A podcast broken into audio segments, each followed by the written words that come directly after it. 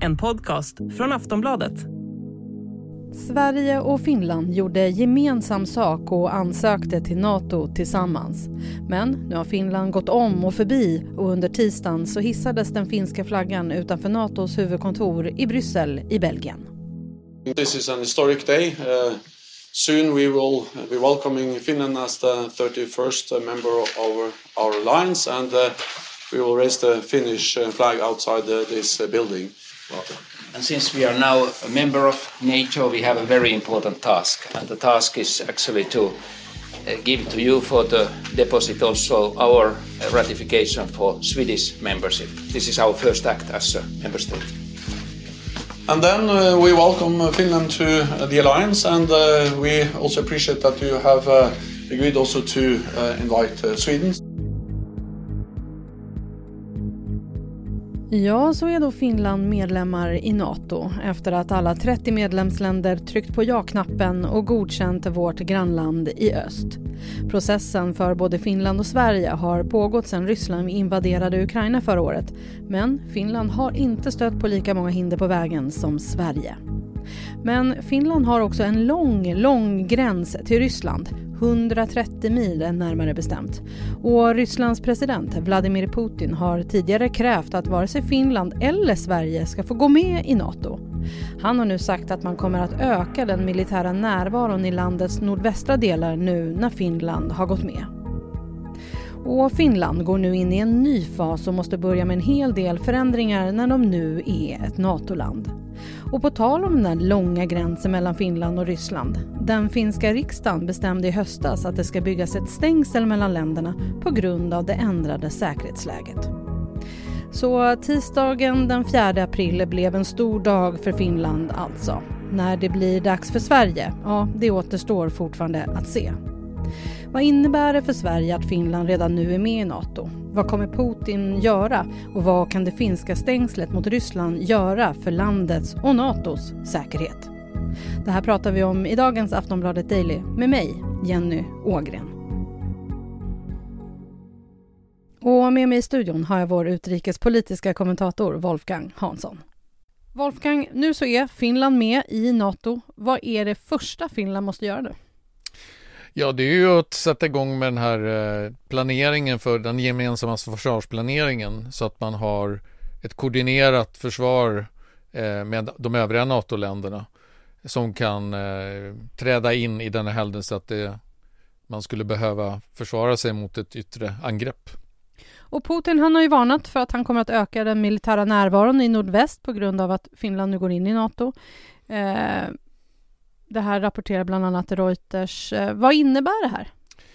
Det behöver inte innebära så mycket. Förmodligen innebär det inte så mycket eftersom vi har ju hört hur ryssarna har bullrat ganska mycket eh, de tidigare åren om ah, vad som skulle hända ifall Sverige och Finland gick med i NATO eh, och man har försökt skrämma Finland och Sverige från att inte gå med i NATO på det sättet. Men nu när Finland väl kommer med och Sverige är ju på väg samma, att gå samma väg så, så hörs det inte så mycket från Moskva och det här man säger att man ska eh, förstärka det försvaret i nordvästra delarna det är ju liksom eh, det finns inga konkreta uppgifter om exakt hur man ska göra det. Sannolikt är det så att Ryssland är fullt upptaget i Ukraina. Man har inte vare sig en massa extra soldater eller extra utrustning i form av vapen och annat som man kan flytta från andra delar av Ryssland eh, till det här området som ju där inte råder någon spänning eller krig överhuvudtaget.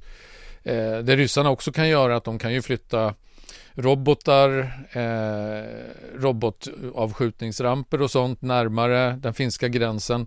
Eh, men många av deras robotar går ju redan nu väldigt långt så den praktiska betydelsen av den är ju ganska liten. Man kan se det som ett litet, att man ökar hotet men eh, i grund och botten så spelar det inte så stor roll. Ja, för hur nära har Ryssland sina militära baser och kärnvapen i förhållande till Finland nu? Alltså nu har man ju, det närmsta är väl, eh, man har ju Sankt Petersburg och runt omkring där och sen har man ju den här enklaven Kaliningrad som bara ligger eh, 30 mil ifrån Gotland där man ju har eh, stationerat eh, sådana här Iskander-robotar som kan bära kärnvapen. Vi vet inte säkert om de också är, är bestyckade med kärnvapen men, men eh, de har en hyfsat lång räckvidd eh, och kan nå bland annat Sverige och Finland. Tidigare så har ju Putin ställt krav på att både Finland och Sverige absolut inte får vara med i Nato. Nu är de ändå, Finland är med, Sverige är snart med. Hur har han reagerat? Ja, han personligen har vi inte hört så många reaktioner liksom. Han, eh, eh, särskilt inte nu de senaste dagarna. Eh, men det måste ju vara en enorm eh, förlust för honom, en strategisk förlust eftersom eh, han gick ut väldigt hårt här julen 2021 och med en massa krav på, på NATO och västvärlden om en ny världsordning där ryssarna skulle spela en större roll. Och ett av de explicita kraven han hade det var ju att varken Sverige eller Finland skulle få gå med i NATO. Och nu är Finland med och Sverige är på väg in. Och det innebär ju en, den första permanenta strategiska förlusten för Ryssland sedan han startade den här invasionen av Ukraina. Ehm, och det visar ju bara vilket, eh, vilken otrolig felkalkyl han gjorde när han startade det här kriget. För att på punkt efter punkt så har, eh, har ju det som Ryssland krävde har blivit precis tvärtom. Eh, Ryssland vill ha mindre NATO, istället har man fått mer NATO och ett större NATO. Eh, den, NATOs gräns mot Ryssland har fördubblats bara nu genom det här finska inträdet. Eh, så att på alla punkter så har det ju varit eh, till nackdel för Ryssland. Wolfgang, hur stort fiasko är det här för Sverige nu då? Att Finland går före. Hur påverkar det här liksom vårt rykte internationellt skulle du säga? Alltså, jag tror inte det påverkar Sveriges rykte särskilt mycket och jag tycker inte att det är ett fiasko än så länge. Men det är klart att eh, kommer vi inte med ganska snart så kan det ju utvecklas till ett fiasko. Eftersom den här regeringen har ju sagt att det är deras absolut viktigaste fråga, det är att, att Sverige ska få komma med i NATO. Nu är ju inte det här någonting som Sverige egentligen kan påverka särskilt mycket själva eftersom det är ju Turkiet i första hand och Ungern i andra hand som eh, lägger hinder i vägen för, för Sveriges medlemskap. Men eh, Ungern betraktar jag som en ren formhistoria. De kommer att godkänna eh, oavsett vad, Sverige. Turkiet är kanske lite krångligare och vi har ett val i Turkiet i maj som vi inte riktigt vet hur det kommer att gå. Det kan krångla till det hela. Men i grund och botten så tror jag att även turkarna kommer att erkänna eller kommer att eh, säga ja till Sverige. Helt enkelt därför att det finns inga säkerhetspolitiska skäl för dem till att säga nej. Och de har ju redan både Ungern och Turkiet har ju sagt ja till eh, det här att man startar den här medlemsprocessen så det vore ju väldigt konstigt om de i slutändan eh, sa nej. Så att jag är tämligen övertygad att om vi inte kommer med i det här stora NATO-toppmötet i Vilnius i Litauen i juli så kommer det att ske eh, någon gång tidigt på hösten. Natos eh, generalsekreterare Jens Stoltenberg sa eh, under måndagen att det här även är, är bra för Sverige nu att Finland går med. Eh, att det blir bättre med säkerheten då? Ja, det är klart. Tittar man på en karta så ser man ju liksom att Finland ligger ju där som en barriär mot Sverige och i och med att Finland är ett NATO-land så innebär det att om ryssarna skulle attackera Finland så skulle NATO komma till Finlands försvar och det skulle ju i praktiken också innebära att man då försvarar Sverige. Eh, så på så sätt så är det ju det. Eh, och sen, sen har ju Sverige eh, redan sedan tidigare nu utverkat försvarsgarantier från de stora NATO-länderna. Så även om vi inte är medlemmar ännu så har de lovat att de ska försvara oss i händelse av ett angrepp. Eh, och det gör ju att eh, det spelar inte så himla stor roll i det korta perspektivet eh, om vi är med nu eller inte, eller det blir inte så stor skillnad jämfört med Finland. Den stora skillnaden är väl att man är med i den här gemensamma försvarsplaneringen på ett annat sätt om man är medlem än som Sverige då står i farstun och väntar. Finland planerar alltså att bygga ett stängsel mot den ryska gränsen. Vi ska prata mer om det med Wolfgang efter pausen. Vi är snart tillbaka.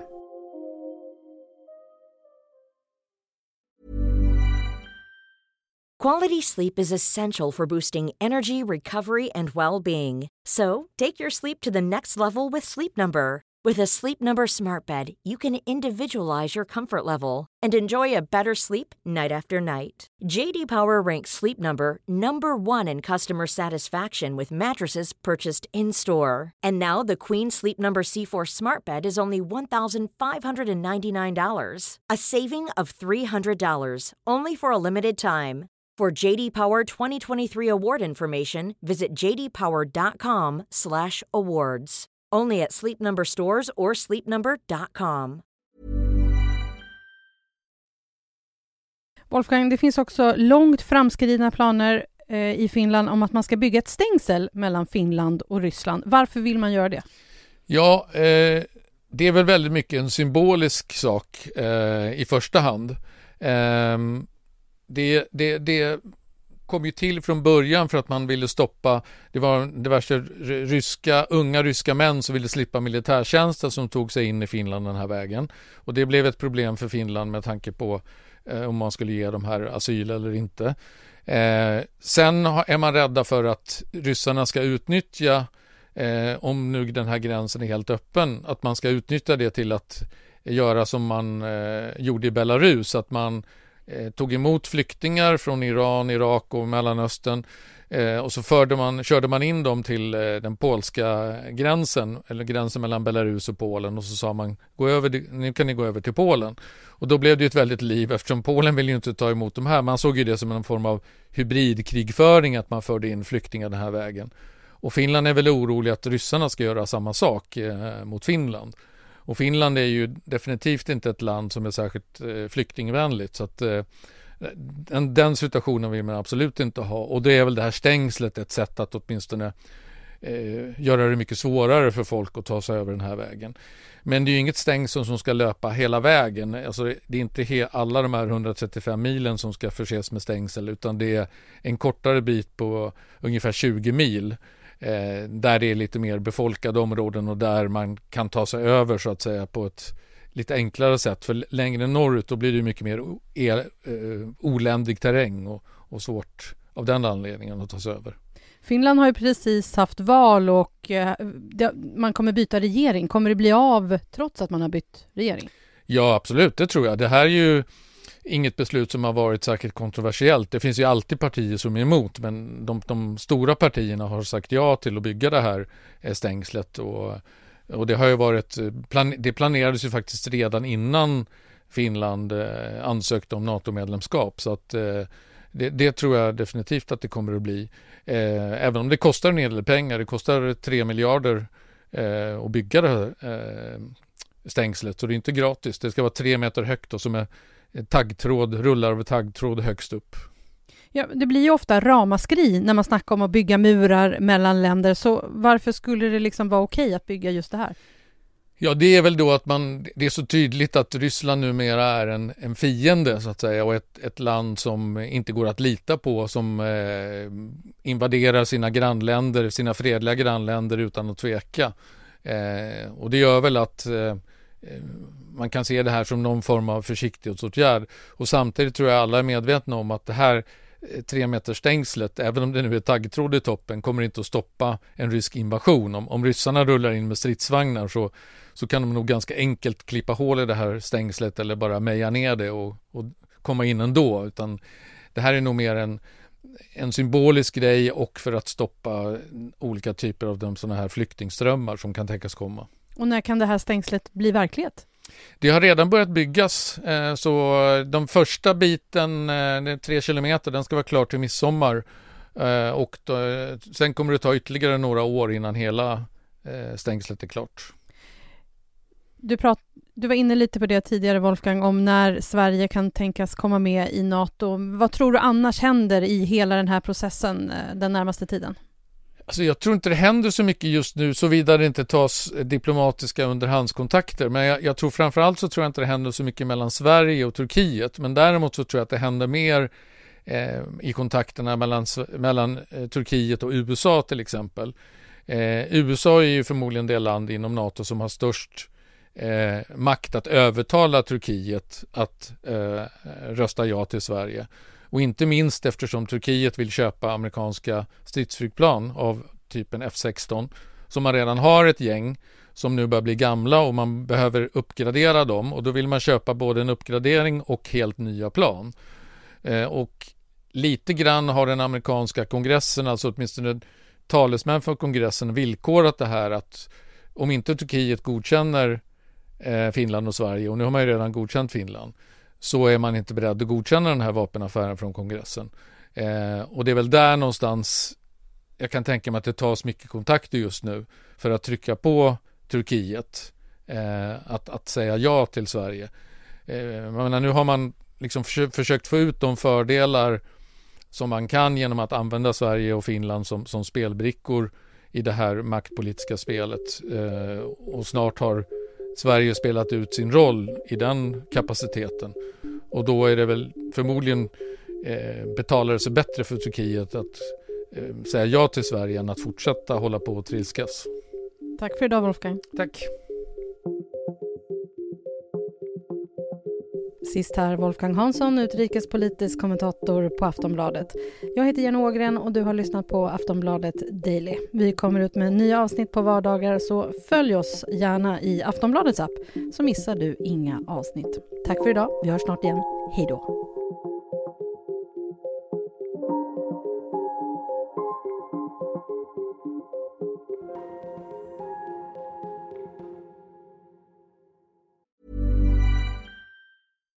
Millions of people have lost weight with personalized plans from Noom, like Evan, who can't stand salads and still lost 50 pounds. Salads, generally, for most people, are the easy button, right? For me, that wasn't an option. I never really was a salad guy. That's just not who I am. But Noom worked for me. Get your personalized plan today at Noom.com. Real Noom user compensated to provide their story. In four weeks, the typical Noom user can expect to lose one to two pounds per week. Individual results may vary. Du har lyssnat på en podcast från Aftonbladet. Ansvarig utgivare är Lena K Samuelsson.